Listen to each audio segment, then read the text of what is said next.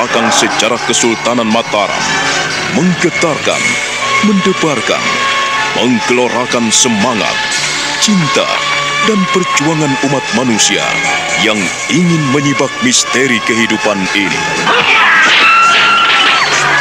Cerita ini ditulis dan diolah oleh Bu Nergis Muriono, pengarah cerita dan naskah Agung Bahrodi, ilustrasi musik Hari Sabar, teknik dan montase Jamie Mumu, dengan sutradara Ferry Fadli. Kali ini mengetengahkan episode kelima dengan judul Sang Mempelai.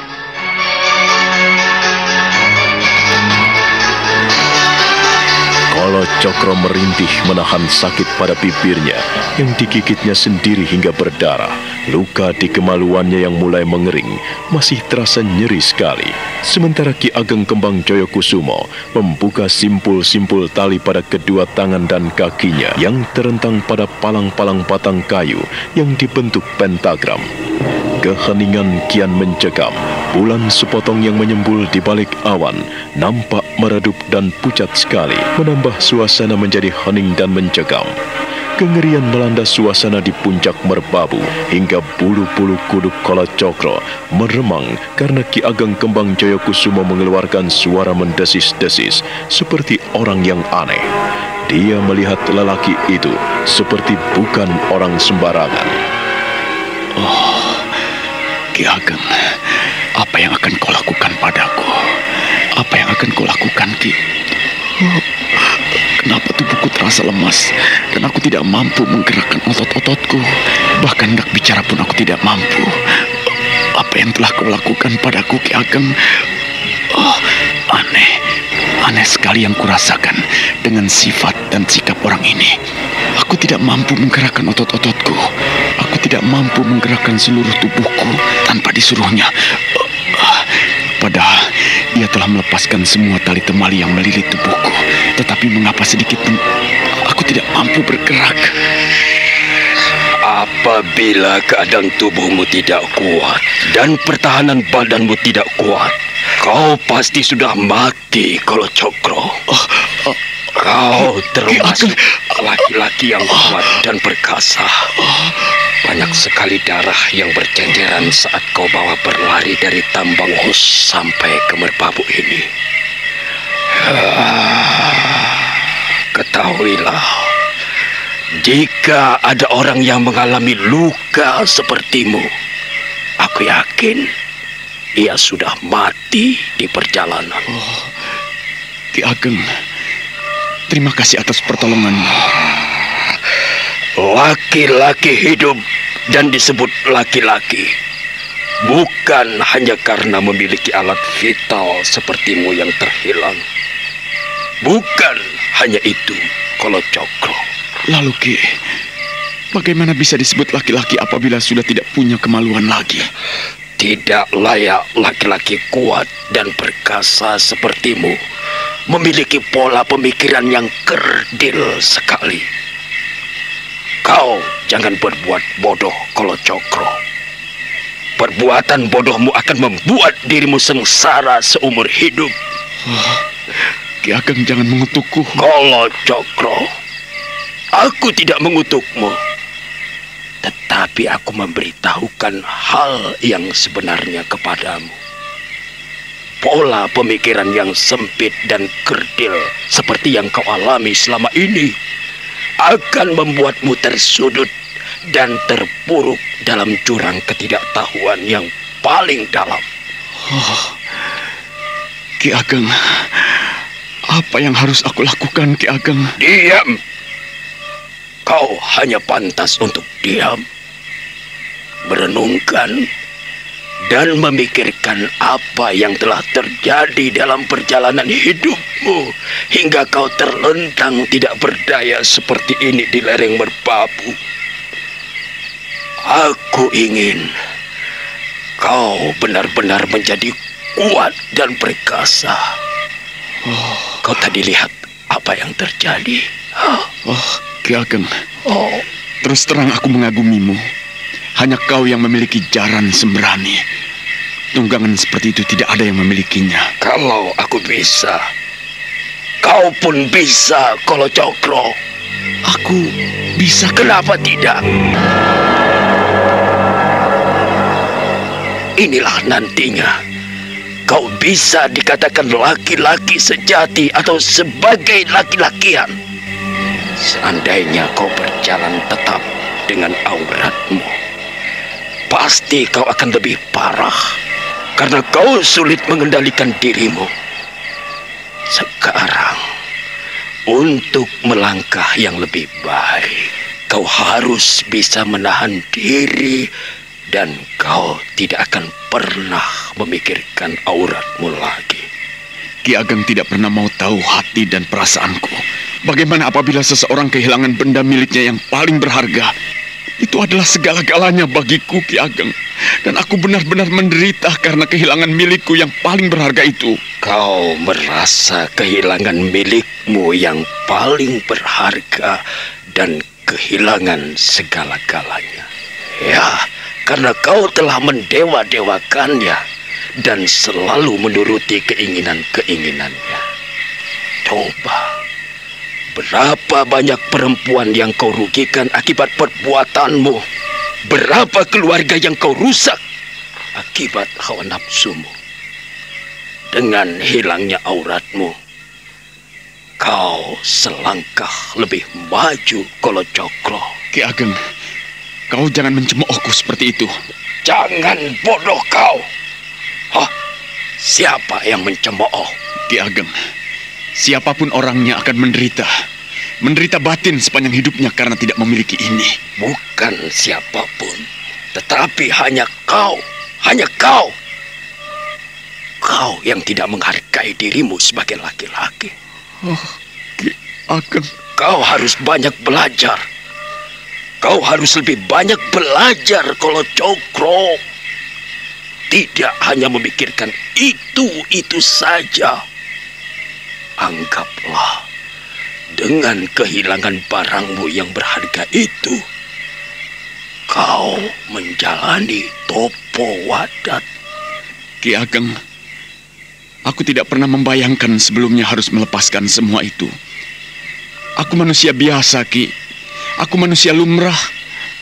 Oh, bagaimana mungkin aku meninggalkan hal-hal yang oh, mendatangkan kebahagiaan, yang mendatangkan kenikmatan. Kebahagiaan dan kenikmatan yang kau ungkapkan itu hanyalah kenikmatan dan kebahagiaan semu. Kau tidak menyadari makna yang sebenarnya dari semua itu, Kolo Cokro. Kebahagiaan memiliki arti yang luas sekali. Tidak sesempit dengan apa yang kau ucapkan tadi. Ki Ageng, kau sebagai laki-laki, aku sebagai laki-laki. Kita sama-sama laki-laki, Ki Ageng. Bagaimana mungkin kau bisa bicara seperti itu? Karena kau tidak mengalami nasib sepertiku. Alasan bohongmu itu tidak perlu kau ungkit-ungkit lagi. Kalau yang sehat saja berusaha mengenyahkan semua itu, bagaimana kau bisa mengungkit-ungkit masalah itu? Hah? Dengarkanlah kalau cokro. Sepanjang hidupku, sepanjang perjalananku, aku tidak pernah memikirkan apa yang sering kau lakukan selama ini. Oh, apa Ki Ageng? Ayo, ikutlah aku.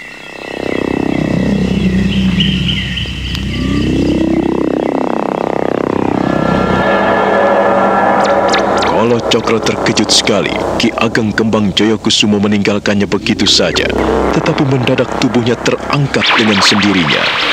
Dengan kekuatan yang luar biasa, tiba-tiba tubuhnya melayang bagaikan terbang. Tahu-tahu dia sudah sampai pada suatu tempat seperti istana yang luar biasa indahnya. Dia tidak tahu di mana saat itu ia berada. Ia masih berbaring di lantai dan memandang suasana di sekelilingnya yang begitu mewah. Beginikah tempat tinggalmu, Ki Ageng? Pantas, pantas kau selalu mencemooh. Pendekar manakah yang memiliki tempat seindah dan semewah ini? Sungguh luar biasa. Oh, Ki Ageng, Di manakah kau, Ki Ageng? Kolo Cokro, untuk apa kau berbaring di lantai? Bangkitlah dan bergeraklah dan berjalanlah kemari. Untuk kesekian kalinya Kolo Cokro terkejut sekali karena dia merasakan tiba-tiba tubuhnya terasa enteng sekali. Otot-ototnya mudah digerakkan. Lalu perlahan-lahan dia bangkit berdiri. Dan aneh, dia bisa berdiri, dia bisa bangkit. Lalu dia menjejakkan kakinya di lantai. Dan dia bisa berjalan perlahan-lahan. Wajahnya berbinar-binar, matanya berkaca-kaca. Aku bisa menggerakkan tangan dan kakiku. Aku bisa bangkit. Oh, kenapa lukaku sembuh? Oh, Berjalanlah dan kemarilah Kolo Cokro. aku bisa berjalan dengan bebas. Ki Ageng, berikanlah aku selembar kain untuk menutupi tubuhku. Mengapa kau biarkan aku telanjang bulat seperti ini? Ki Ageng, Kau ini laki-laki, tetapi mulutmu cerewet seperti perempuan. Ki Ageng, jangan kau permalukan aku seperti ini. Aku tidak mengenakan pakaian sehelai pun. Ki Ageng, jangan permalukan aku di depan anak-anak dan istrimu. Berikanlah aku sehelai pakaian untuk menutupi tubuhku.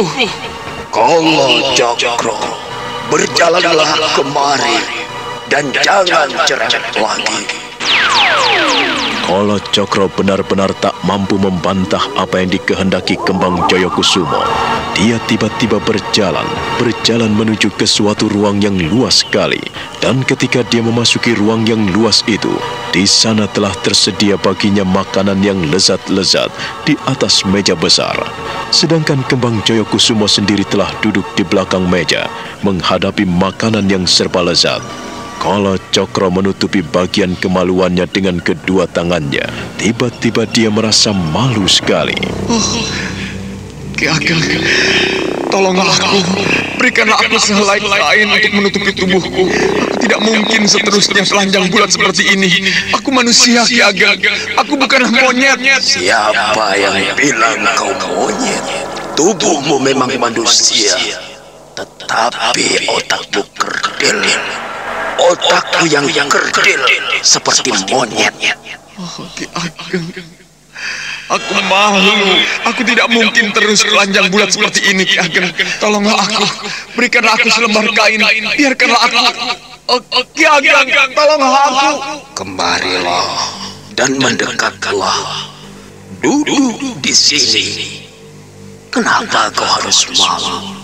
Kau biasanya mengumbar dirimu dengan telanjang bulat seperti itu. Kau umbar dirimu dan kau buka dirimu di depan para perempuan tanpa malu-malu. Sekarang, mengapa harus malu berdiri dan berjalan di depanku tanpa busana? Kenapa kau malu? Kenapa kau sekarang malu? Oh, Ki Ageng, aku manusia biasa. Aku manusia biasa, Ki Ageng, yang masih memiliki perasaan, yang masih memiliki harga diri. Ki Ageng, aku masih punya perasaan malu. Aku tidak bisa melakukan sesuatu dengan bebas jika telanjang bulat seperti ini. Tolonglah aku, Ki Ageng. Berikanlah aku sehelai kain. Baru kali ini aku menemui laki-laki bodoh dan gogok. Tidak pantas. Tidak pantas aku berkumpul dengan orang-orang seperti ini. Ki Ageng, sungguh aku malu sekali. Malu sekali. Bagaimana nanti kalau anak-anak dan istrimu tahu aku dalam keadaan tanpa busana seperti ini? Kolo Cokro sungguh tidak mengerti kenapa Ki Ageng Kembang Joyokusumo membiarkannya telanjang bulat tanpa busana sehelai pun. Dan ketika dia minta sehelai kain, bukannya diberikan, tapi malah ditertawakan. Kolo Cokro sendiri tidak tahu mengapa tiba-tiba dia merasa malu sekali berdiri telanjang bulat di hadapan Ki Ageng Kembang Joyokusumo yang membawanya ke dalam suatu ruangan yang luas sekali. Ruangan yang amat mewah dan gemerlap bagaikan istana. Di sudut ruangan itu, semuanya terbuat dari emas dan permata. Kolo Cokro terpuruk. dia melangkah dan mundur beberapa tindak mencari tempat persembunyian karena dia malu sekali. Sementara Ki Ageng Kembang Joyokusumo semakin tertawa lebar.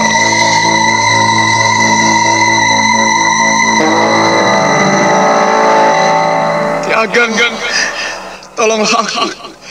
Tolonglah, berikanlah aku sehelai kain untuk menutupi tubuhku. Mengapa kau membiarkan aku telanjang bulat seperti ini? Tolonglah aku, Ki Ageng. Malu. Mengapa kau selalu mentertawakan aku, Ki Ageng? Ataukah memang aku pantas menjadi leluconmu? Ki Ageng, tolonglah aku. Lemparkan kepadaku sepotong kain untuk menutupi tubuhku. Ageng Kembang Joyokusumo. Tolonglah aku. Sekali lagi aku mohon. Tolong. Aku tidak bisa melakukan apa-apa tanpa mengenakan pakaian. Tolonglah aku, Ki.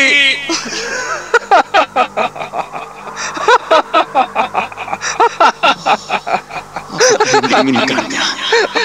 Apakah sebenarnya yang diinginkannya? Aku sungguh tidak mengerti. Mengerikan sekali. Oh, orang itu aneh. Aku tidak tahu apa maksudnya dengan semua ini. Aku akui dia memiliki tempat yang mewah dan indah. Aku pun baru sekali melihat suasana seperti ini. Mengapa kau hanya bengong di situ kalau cokro? Apakah kupingmu sudah tuli? Hah? Ayo, kemarilah. Apakah perutmu tidak lapar? Telah kusediakan hidangan yang lezat-lezat. Ayo, kemarilah. Apa yang kau tunggu kalau cokro? Hah, kau jangan bengong seperti itu. Ki Ageng, sekali lagi aku tidak mampu. Oh, tidak mampu berdiri tanpa busana seperti ini. Aku malu, malu sekali. Kau bisa. Kau bisa. Kalau Cokro seperti tidak sadar akan dirinya sendiri, tiba-tiba dia membalikkan tubuh dan berjalan menuju ke meja besar di mana di atasnya terdapat berbagai macam makanan yang lezat-lezat. Ki Ageng Kembang Joyokusumo menawarkan makanannya dan mengangkat kedua tangannya. Kemudian lelaki itu makan makanan yang telah terhidang, sementara Kolo Cokro ragu-ragu untuk menyentuh makanan itu. Kini dia tidak canggung dan malu lagi, sekalipun dalam keadaan telanjang bulat. Dia duduk di atas kursi berukir yang nampak indah sekali, berhiaskan emas. Ayo, makanlah. Menunggu apa lagi? Semua hidangan ini boleh kau habiskan. Boleh kau sikat habis. Semua ini kusediakan khusus untuk Ya, hanya untukmu, Kolon Cokro. Siapakah yang memasak semua ini Ki Ageng? Kau tidak perlu menanyakan siapa yang masak untukmu. Tetapi pikirkanlah apa yang yang ada di depanmu. Nikmatilah apa yang ada. Jangan bertanya-tanya lagi. Lama kelamaan kulihat kau ini bodoh sekali kalau jokro. Kau tidak tahu apa yang kau lakukan. Sementara makanan sudah berhidang di depanmu. Di manakah anak-anak dan istrimu? Apakah mereka tidak kau ajak makan serta? Makan. Jangan cerewet. Hmm. Makanlah. Kau sesungguhnya tidak tahu apa yang kau katakan. Kalau cokro. Apakah tidak wajar Ki Ageng? Aku ini manusia lumrah. Aku yang lahir dan dibesarkan. Aku lahir karena ada bapak dan ibuku. Dan aku besar juga karena bimbingan mereka. Mana mungkin kau tinggal di rumah sebesar ini, semewah ini tanpa anak-anak dan istrimu? Kau benar-benar goblok. Cokro. Makanlah. Dan jangan bertanya macam-macam. Aku paling tidak suka berbicara dengan laki-laki cerewet macam kau. Hai, hai. Nikmatilah hidangan yang ada di depan dan jangan banyak bicara. Ah, baiklah, akan kumakan hidangan yang ada di depanku. Tapi masakan apa ini? Kulihat apa yang ada di depanku ini tiba-tiba berubah begitu saja. Yang kulihat hanyalah bongkahan-bongkahan batu dan sepi-sepi kayu hutan. Ah, aku tidak bisa memakannya. Aku tidak bisa memakannya. Gila kau. Penyihir gendam. Mengapa makanan-makanan lezat kau sihir menjadi batu-batu dan serpian-serpian kayu seperti ini? Oh, kau benar-benar keterlaluan kalau cokro. Jika kau tidak ada dalam tanganku, kau sudah mati. Dan baru saja kau sadar dalam hidupmu, kau mencobai aku. Kau sihir semua makananku menjadi bongkahan-bongkahan batu seperti ini. Apa maksudmu? Ki Ageng, aku tidak menyihir. Semula memang aku lihat apa yang ada di depan kita adalah makanan-makanan yang lezat. Tapi ketika aku hendak menjamahnya, mengapa tiba-tiba menjadi bongkahan-bongkahan batu seperti ini? Kalau Cokro, baru saja aku sembuhkan lukamu. Kalau aku tahu kau adalah orang jahat, maka aku tidak akan membiarkanmu hidup. Kau ternyata penyihir sesat yang gila. Kau tidak bisa mencari muka di depanku dengan cara seperti itu. Kekuatan sihirmu lenyap dan segala kesaktianmu telah hilang. Kolo Cokro terkejut sekali ketika kembang Joyokusumo membentaknya. Tubuhnya kembali lemas dan dia kembali sadar akan dirinya yang sebenarnya. Lunglai lemah dan dalam keadaan telanjang bulat. Belum lagi heran akan dirinya sendiri, dia juga heran sekali karena kembali melihat makanan-makanan yang lezat di atas meja di depannya yang semula telah berubah menjadi bongkahan-bongkahan batu dan serpih-serpih kayu hutan. Kau ternyata penyihir murah yang tidak pantas kuhormati. Kau tidak layak undang kemari kalau cokro. Aku seperti anjing urat yang ada di sini. Kau biarkan aku telanjang dan kedinginan. Ki Ageng, tega sekali kau memperlakukan aku seperti ini. Kau tidak lebih seperti anjing kurapan. Kau tidak akan melakukan apa-apa lagi di sini tanpa mengikuti petunjuk dan perintahku. Kau tidak akan pernah menjadi orang yang baik selama hati dan pikiranmu buruk seperti itu. Aku tidak menyangka apabila dari dasar hatimu yang paling dalam memang jahat adanya. Kau jahat. Kau tidak pernah memikirkan yang lain. Kau, kau penyihir sesat yang telah dihukum pada Dewata Agung. Kau tidak akan pernah tentram di dalam hidupmu selain ingin mencelakakan sesamamu. Ki Ageng, mana mungkin aku melakukan semua itu bila aku tidak berdaya seperti ini. Aku terhina dan kau menghina aku. Aku tidak mungkin hidup seperti ini terus-menerus, Ki Ageng. Ki Ageng, jangan kau permalukan aku seperti ini. Aku ini manusia biasa. Aku ini manusia biasa. Aku ini manusia lumrah yang tidak mampu berbuat apa-apa.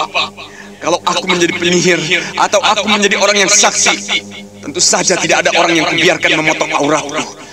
Oh, barang berharga yang aku miliki di dunia ini. Ki Ageng, tolonglah aku, tolonglah. Hanya minta tolong, hanya meratap dan merintih bisamu. Kau telah memiliki duniamu sendiri.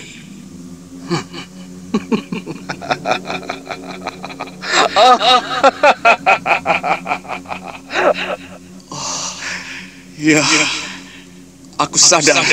Aku memang pantas kau hina dan kau tertawakan seperti ini. Karena aku memang sudah tiada arti. Baiklah. Baiklah, Ki Ageng. Aku terima apa yang kau inginkan. Oh.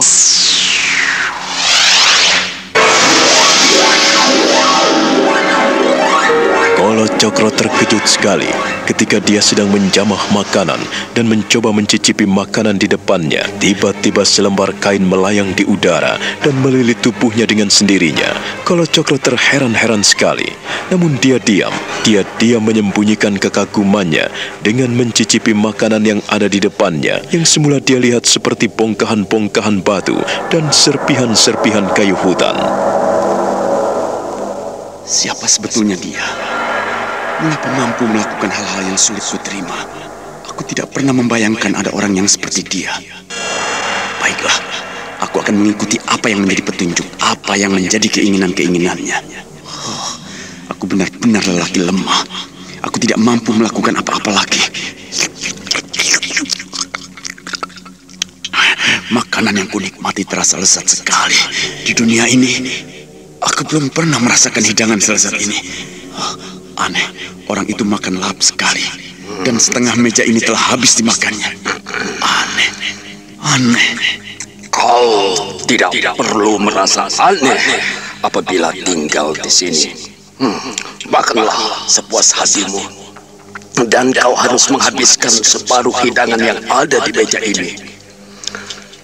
Aku telah menghabiskan separuhnya. Dan sekarang tinggal giliranmu untuk menghabiskan semua makanan itu. Habiskanlah dan jangan mengeluh agar tubuhmu tidak lemas.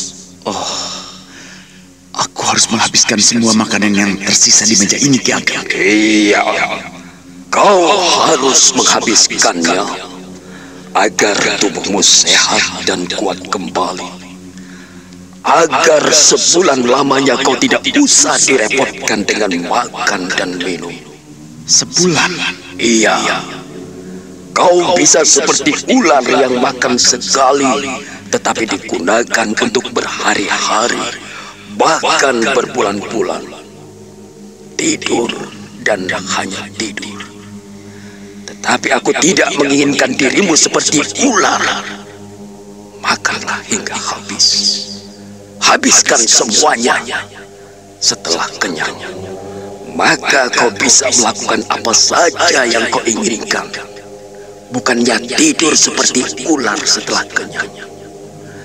Aku menginginkan kau menjadi orang yang perkasa dan didaya. Tetapi dengan caramu sendiri. Bukannya bergantung kepadaku. Atau bergantung kepada orang lain. Aku belum mengerti apa yang kau inginkan, Ki. Kelak kau akan tahu apa yang kau lakukan selama ini.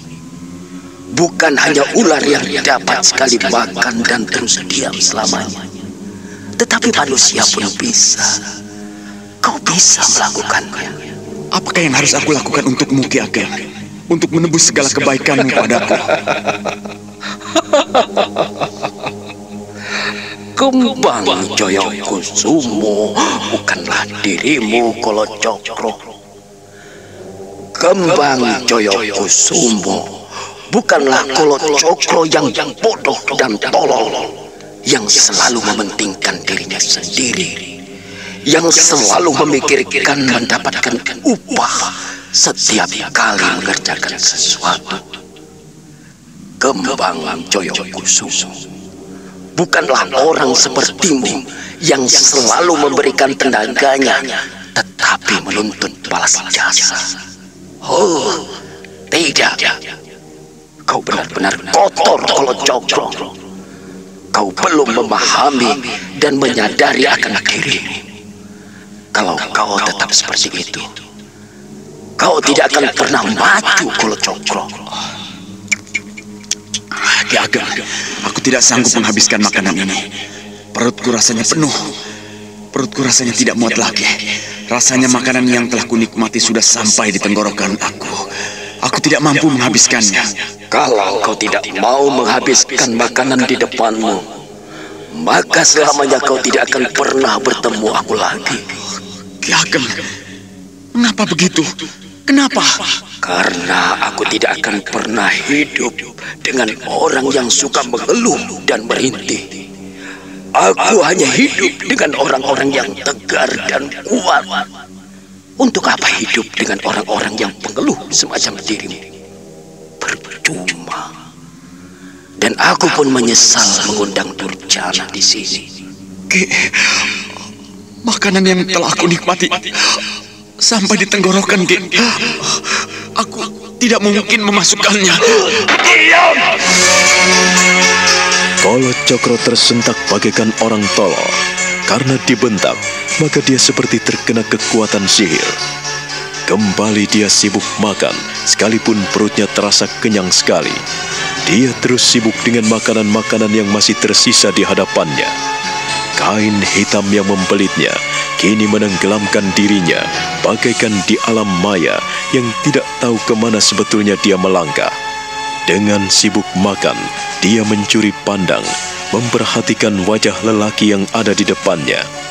Lelaki yang berpakaian serba hitam, Lelaki itu matanya menyala-nyala dan tajam memperhatikan, sehingga dia pun tidak berani menatapnya. Dia hanya sibuk makan dengan susah payah karena perutnya sudah penuh.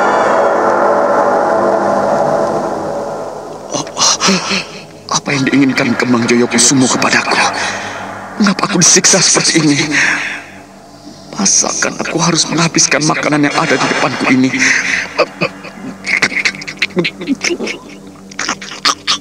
Habiskan.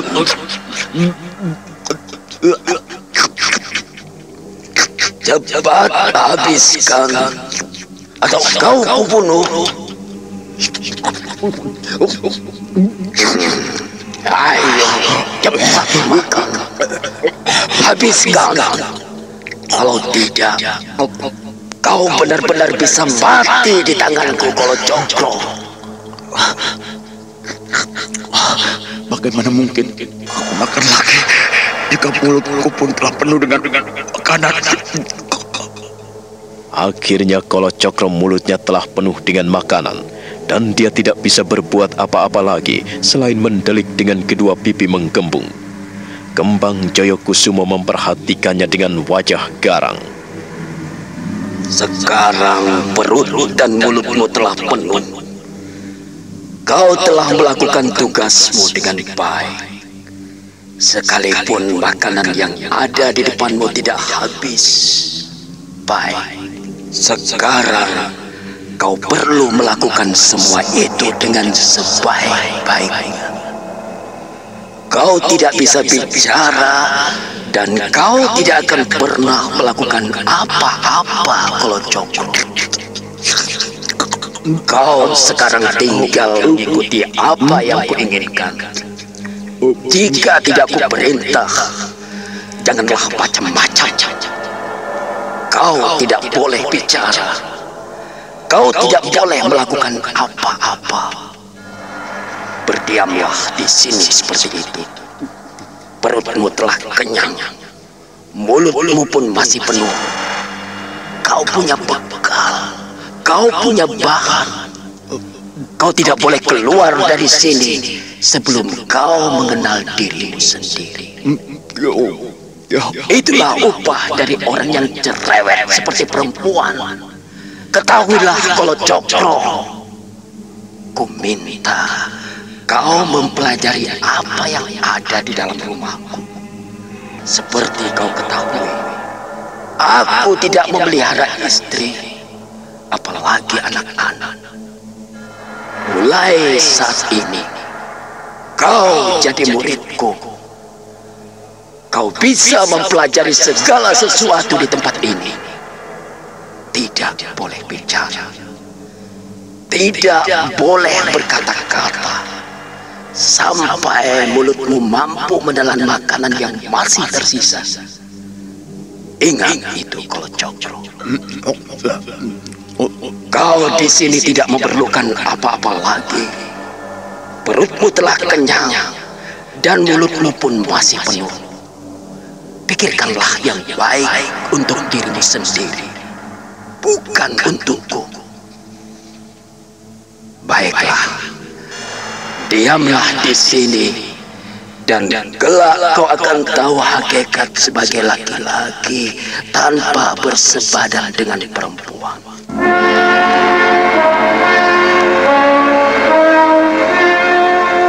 Sejak berada dalam tangan Kembang Joyokusumo, maka Kolo Cokro dianggap sebagai muridnya. Kolo Cokro masih bersusah payah untuk memahami apa yang sedang terjadi dan apa yang sedang dialaminya selama ini. Dia benar-benar tidak berkutik, berada dalam ruangan yang amat megah dan indah. Tetapi dia tidak mengenali rumah apa dan tempat macam apa yang ditempati Kembang Joyokusumo itu. Kita tinggalkan Kolo Cokro dan Kembang Joyokusumo di puncak Merbabu. Kita menuju ke desa Karanganyar, di mana Nini Warih tinggal bersama Ki Wulung dan Nyai Wulung. Nini Warih yang telah dinodai oleh Kolo Cokro, perutnya kini telah besar dan sedang menjalani hamil tua. Dan pada suatu malam, perutnya terasa mual dan sakit sekali.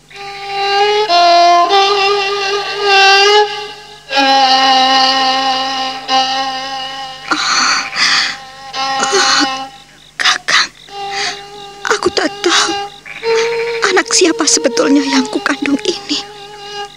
Tetapi kau terlanjur marah kepadaku dan meninggalkanku ke Mataram dengan kemarahan. Kau tak mau mendengarkan aku lagi.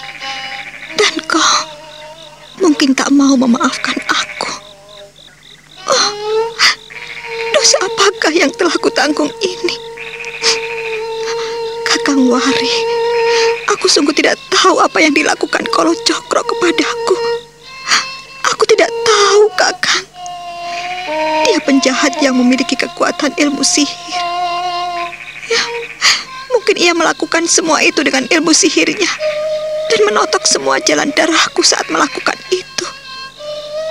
Ya, ya, ia selalu menggangguku, Kakak. Saat kau berada di Kerapia dan saat tengah di hutan ketika aku mencari sukmo juga saat perang berkecamuk di Mataram. Ia seperti setiap saat datang dalam tidurku. Oh, kalau Cokro memang kurang ajar, mungkinkah yang kukandung ini anaknya? Oh, oh, oh, mungkinkah sudah tiba saatnya kandunganku? Mungkinkah aku akan melahirkan? Uh, Nyai, Nyai, Nek, Nenek, Nenek. Ada apa, Do? Ada apa? Ada apa? Aduh, Nek, perutku, perutku sakit sekali, Nek. Rasanya melilit-lilit. Oh. Jangan-jangan, jangan-jangan kau akan melahirkan ini. Uh, uh, sebentar, kek, kek, sini kek. Ya, ya, ada apa? Ada apa? Manggil-manggil orang. Mengagetkan orang saja kau ini. Kau, kau harus mencari dukun bayi, kek. Cepat. Kau harus pergi mencari dukun bayi. Oh, iya, iya, iya. Cepat. aku akan ke rumahnya Siti. Ah, aku akan pergi dulu. Bawa obor, kek. Gelap sekali. Iya, iya, iya. Nah, uruslah anakmu. Aku akan ke rumahnya Siti, ya.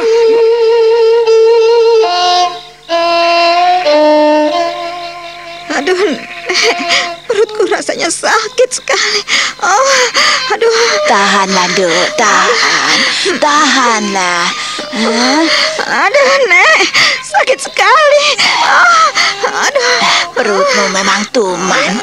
Selalu saja susah jika melahirkan. Waktu kau melahirkan Sukmo juga bertaruh nyawamu. Dan sekarang kau seperti ini lagi. Istighfar, Duk. Nyebut nama Gusti, Duk. Nyebut nama Gusti. Hah? Nyebut nama Gusti. Gusti. Ya. Nyuwun tolong. Aduh, ampunilah aku. Ampunilah aku. Tahan, Duk, tahan. Biar kau pijit-pijit perutmu ya. Biar anakmu segera keluar. Anak-anakmu memang nakal. Perutmu juga tuman. Setiap kali melahirkan, kau menghadapi masalah, Duk. Aduh, Duk, kau selalu prihatin.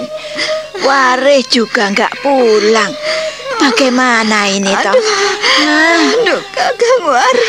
Oh, maafkan aku, Kakang. Ampuni aku, Kakang. Maafkan aku. Maafkan aku, Kakang. Kakang, aku bersalah. Aku berdosa kepadamu, kakak. Tidak, tidak. Kau tidak bersalah, Dok. Kau tidak berdusta pada suamimu. Justru kau hamil begini kan karena perbuatan suamimu. Iya, ini akibat perbuatan laki-laki. Tidak, aku, aduh, kakak Wari, maafkan aku, maafkan aku. Aduh, Gusti, Tahan, Nyuwun Dok. tolong. Aduh, Tahan. Simbo, apa? Aku, maafkan aku, Mbak. Kakak Wari, maafkan aku, kakak. Maafkan aku. Tahanlah, Dok. Tahanlah. Mudah-mudahan anakmu tidak terlalu nakal. Eh, Ayo, ayo Klam, kerahkan seluruh tenagamu. Ayo.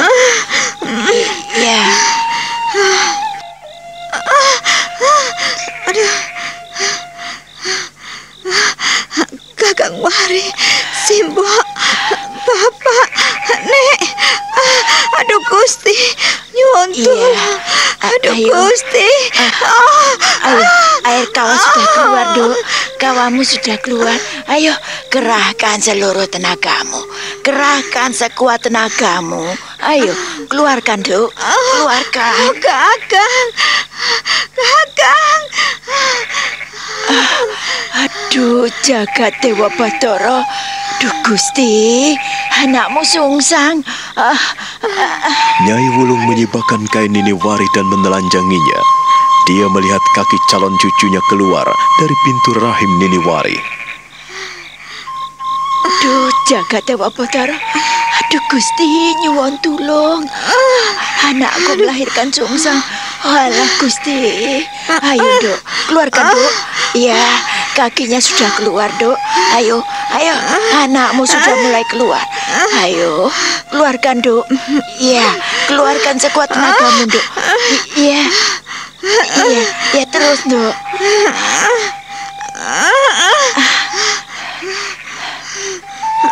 Ayo, teruskan. Ayo, sekuat tenagamu, Dok. Ayo cepat, Dok. Ini sudah keluar sedikit demi sedikit. Iya.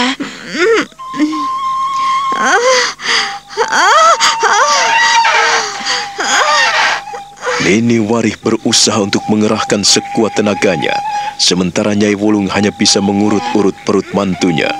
Sedangkan di balik pintu telah datang dua orang tua, yaitu Ki Wulung dan Nyai Siti, dukun bayi yang telah dipanggilnya. Nyai Siti segera melakukan apa yang menjadi tugas dan kewajibannya sebagai seorang dukun bayi. Dia sangat kaget ketika melihat kaki jabang bayi muncul keluar dari rahim Nini Wari.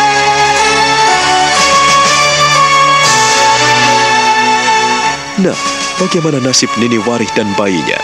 Saudara pendengar, silahkan menunggu seri berikutnya dalam serial Wahyu Astabrata ini. Sampai jumpa.